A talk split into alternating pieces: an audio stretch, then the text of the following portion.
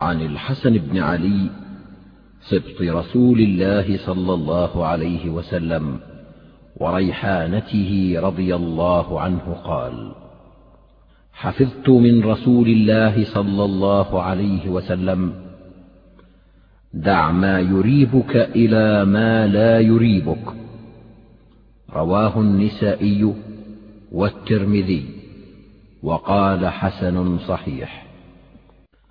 هذا الحديث خرجه الإمام أحمد والترمذي والنسائي وابن حبان في صحيحه والحاكم من حديث بريد بن أبي مريم عن أبي الحوراء عن الحسن بن علي وصححه الترمذي وأبو الحوراء السعدي قال الأكثرون اسمه ربيعة بن شيبان ووثقه النسائي وابن حبان وتوقف أحمد في أن أبا الحوراء اسمه ربيعة بن شيبان. ومال إلى التفرقة بينهما وقال الجوزجاني أبو الحوراء مجهول لا يعرف.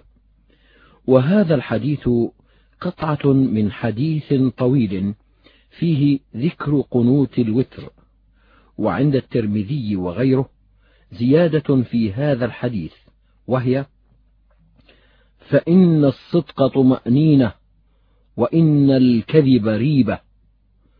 ولفظ ابن حبان فإن الخير طمأنينة وإن الشر ريبة.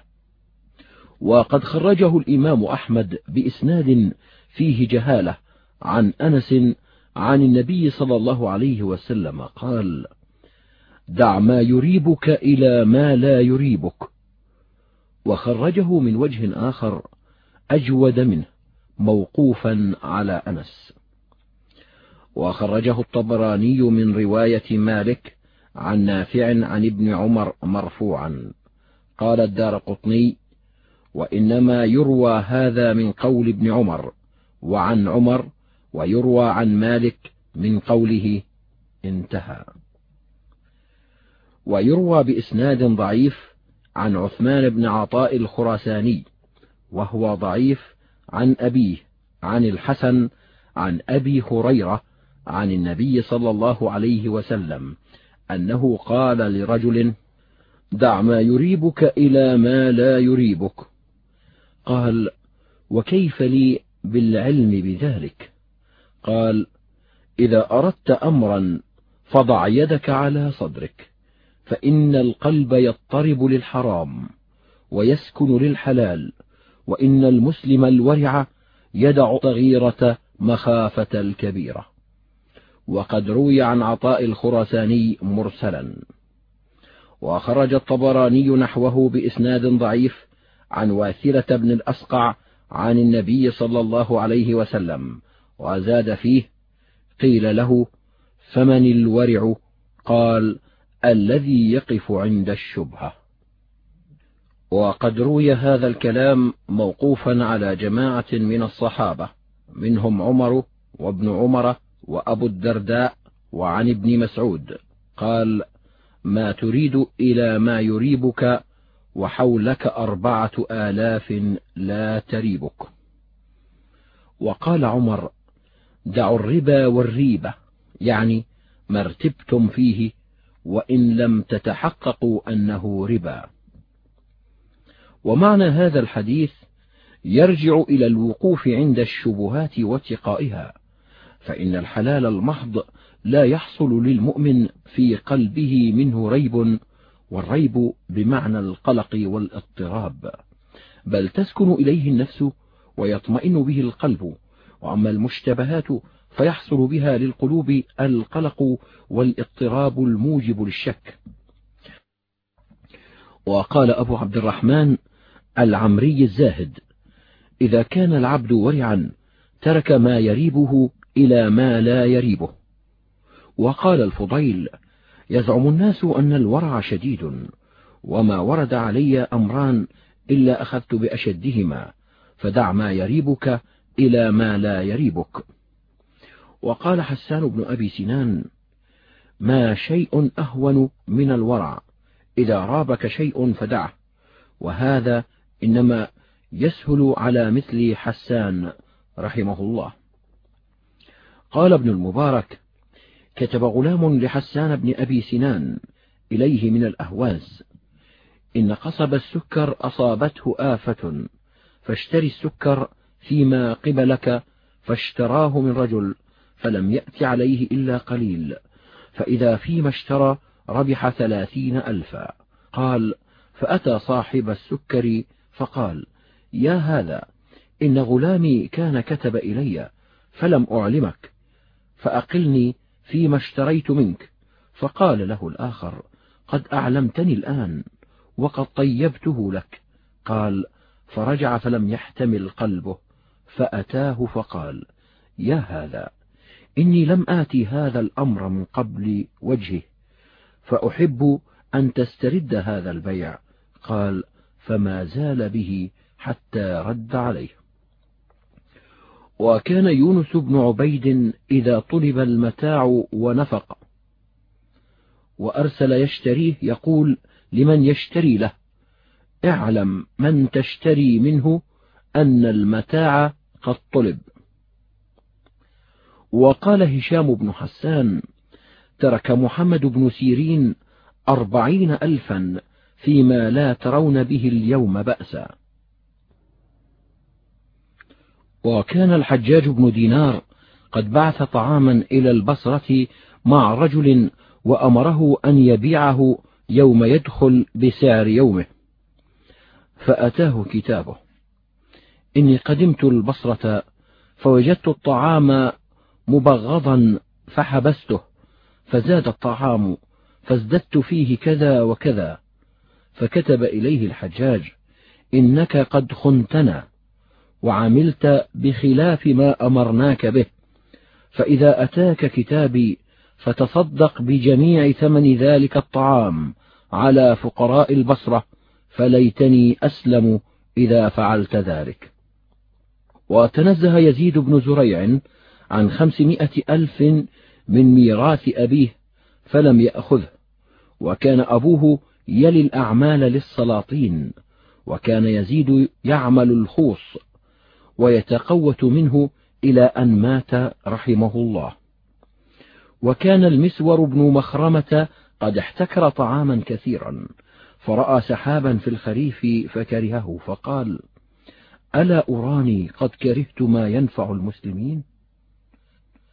فآل أن لا يربح فيه شيئا فأخبر بذلك عمر بن الخطاب فقال له عمر جزاك الله خيرا. وفي هذا أن المحتكر ينبغي له التنزه عن ربح ما احتكره احتكارا منهيا عنه. وقد نص الإمام أحمد رحمه الله على التنزه عن ربح ما لم يدخل في ضمانه لدخوله في ربح ما لم يضمن. وقد نهى عنه النبي صلى الله عليه وسلم. فقال أحمد في رواية عنه في من أجر ما استأجره بربح. إنه يتصدق بالربح. وقال في رواية عنه في ربح مال المضاربة إذا خالف فيه المضارب. إنه يتصدق به. وقال في رواية عنه فيما إذا اشترى ثمرة قبل صلاحها بشرط القطع ثم تركها حتى بدا صلاحها. إنه يتصدق بالزيادة وحمله طائفة من أصحابنا على الاستحباب لأن الصدقة بالشبهات مستحب. وروي عن عائشة رضي الله عنها أنها سئلت عن أكل الصيد للمحرم فقالت إنما هي أيام قلائل فما رابك؟ فدعه يعني ما اشتبه عليك. هل هو حلال أو حرام؟ فاتركه. فإن الناس اختلفوا في إباحة أكل الصيد للمحرم إذا لم يصده هو. وقد يستدل بهذا على أن الخروج من اختلاف العلماء أفضل لأنه أبعد عن الشبهة ولكن المحققون من العلماء من أصحابنا وغيرهم على أن هذا ليس على إطلاقه فإن من مسائل الاختلاف ما ثبت فيه عن النبي صلى الله عليه وسلم رخصة ليس لها معارض. فاتباع تلك الرخصة أولى من اجتنابها وإن لم تكن تلك الرخصة بلغت بعض العلماء فامتنع منها لذلك. وهذا كمن تيقن الطهارة وشك في الحدث فإنه صح عن النبي صلى الله عليه وسلم أنه قال لا ينصرف حتى يسمع صوتا أو يجد ريحا.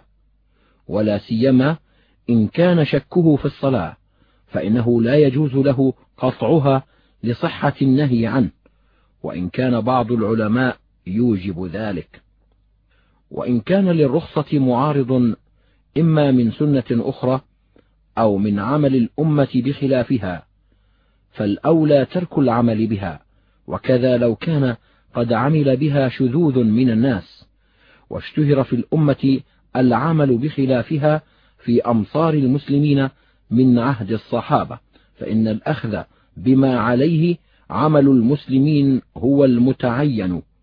فإن هذه الأمة قد أجارها الله أن يظهر أهل باطلها على أهل حقها فما ظهر العمل به في القرون الثلاثة المفضلة فهو الحق وما عداه فهو باطل. وها هنا أمر ينبغي التفطن له وهو أن التدقيق في التوقف عن الشبهات إنما يصلح لمن استقامت أحواله كلها وتشابهت أعماله في التقوى والورع. فأما من يقع في انتهاك المحرمات الظاهرة ثم يريد أن يتورع عن شيء من دقائق الشبهة فإنه لا يحتمل له ذلك بل ينكر عليه. كما قال ابن عمر لمن سأله عن دم البعوض من أهل العراق يسألوني عن دم البعوض وقد قتلوا الحسين. وسمعت النبي صلى الله عليه وسلم يقول هما ريحانتاي من الدنيا. وسأل رجل بشر بن الحارث عن رجل له زوجة وأمه تأمره بطلاقها فقال إن كان بر أمه في كل شيء ولم يبق من برها إلا طلاق زوجته فليفعل وإن كان يبرها بطلاق زوجته ثم يقوم بعد ذلك إلى أمه فيضربها فلا يفعل. وسئل الإمام أحمد رحمه الله عن رجل يشتري بقلا ويشترط الخوصة يعني التي تربط بها جرزة البقل. فقال أحمد أيش هذه المسائل؟ قيل له إنه إبراهيم بن أبي نعيم. فقال أحمد إن كان إبراهيم بن أبي نعيم فنعم هذا يشبه ذاك. وإنما أنكر هذه المسائل ممن لا يشبه حاله وأما أهل التدقيق في الورع فيشبه حالهم هذا. وقد كان الإمام أحمد نفسه يستعمل في نفسه هذا الورع فإنه أمر من يشتري له سمنا فجاء به على ورقة فأمر برد الورقة إلى البائع وكان أحمد لا يستمد من محابر أصحابه وإنما يخرج معه محبرة يستمد منها.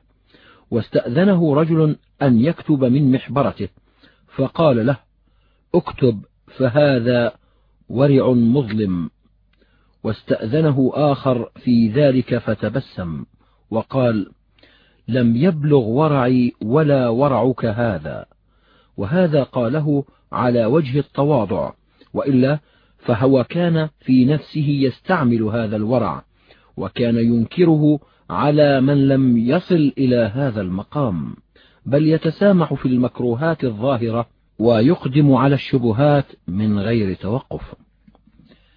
وقوله صلى الله عليه وسلم فإن الخير طمأنينة وإن الشر ريبة يعني أن الخير تطمئن به القلوب والشر ترتاب به ولا تطمئن إليه. وفي هذا إشارة إلى الرجوع إلى القلوب عند الاشتباه. وسيأتي مزيد لهذا الكلام على حديث النواس بن سمعان إن شاء الله تعالى. وخرج ابن جرير بإسناده عن قتادة عن بشير بن كعب أنه قرأ هذه الآية. فامشوا في مناكبها. ثم قال لجاريته إن دريت ما مناكبها فأنت حرة لوجه الله. قالت مناكبها جبالها فكأنما سفع في وجهه. ورغب في جاريته فسألهم فمنهم من أمره ومنهم من نهاه. فسأل أبا الدرداء فقال الخير طمأنينة والشر ريبة فذر ما يريبك إلى ما لا يريبك. وقوله في الرواية الأخرى إن الصدق طمأنينة وإن الكذب ريبة. يشير إلى أنه لا ينبغي الاعتماد على قول كل قائل كما قال في حديث وابصة. وإن أفتاك الناس وأفتوك. وإنما يعتمد على قول من يقول الصدق. وعلامة الصدق أنه تطمئن به القلوب. وعلامة الكذب أنه تحصل به الريبة. فلا تسكن القلوب إليه بل تنفر منه. ومن هنا كان العقلاء في عهد النبي صلى الله عليه وسلم إذا سمعوا كلامه وما يدعو إليه عرفوا أنه صادق وأنه جاء بالحق وإذا سمعوا كلام مسيلمة عرفوا أنه كاذب وأنه جاء بالباطل. وقد روي أن عمرو بن العاص سمعه قبل إسلامه يدعي أنه أنزل عليه. يا وبر يا وبر لك أذنان وصدر وإنك لتعلم يا عمرو. فقال والله إني لأعلم أنك تكذب. وقال بعض المتقدمين صور ما شئت في قلبك وتفكر فيه ثم قسه إلى ضده فإنك إذا ميزت بينهما عرفت الحق من الباطل والصدق من الكذب. قال كأنك تصور محمدا صلى الله عليه وسلم ثم تتفكر فيما أتى به من القرآن فتقرأ إن في خلق السماوات والأرض واختلاف الليل والنهار والفلك التي تجري في البحر بما ينفع الناس. ثم تتصور ضد محمد صلى الله عليه وسلم فتجده مسيلمة. فتتفكر فيما جاء به فتقرأ. ألا يا ربة المخدع قد هيئ لك المضجع. يعني قوله لسجاح حين تزوج بها. قال فترى هذا يعني القرآن رصينا عجيبا يلوط بالقلب ويحسن في السمع وترى ذا يعني قول مسيلمة باردا غثا فاحشا فتعلم أن محمدا حق أتي بوحي وأن مسيلمة كذاب أتي بباطل.